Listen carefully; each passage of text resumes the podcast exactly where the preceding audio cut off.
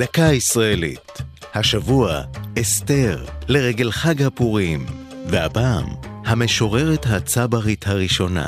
בשנת 1930, כאשר הוציאה אסתר רב את ספר שיריה הראשון, כמסונים, היא הייתה מן היוצרות המעטות בארץ שהוציאו ספרי שירה.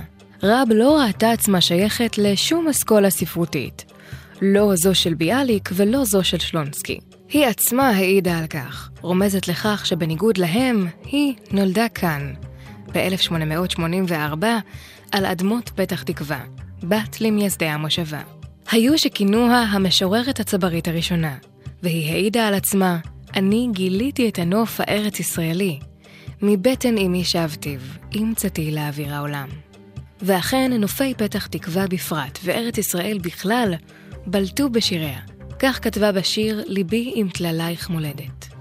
לעולם בם אנוע, אחוזת קסם לא נפטר, ורקיעים שקופים רוחשים על מחשקי ים עצים שקפה. אסתר רב נולדה בפורים, ומכאן שמה. בהמשך חייה נדדה בין דגניה למצרים ולתל אביב. היא נישאה פעמיים ונפטרה בשנת 81. שיריה התאפיינו בכתיבה חופשית, שבלטה ביחס לתקופה, והיא נחשבה פורצת דרך, גם בשירים על נשיות, תשוקה ואהבה. זו הייתה דקה ישראלית על אסתר ומשוררת צברית.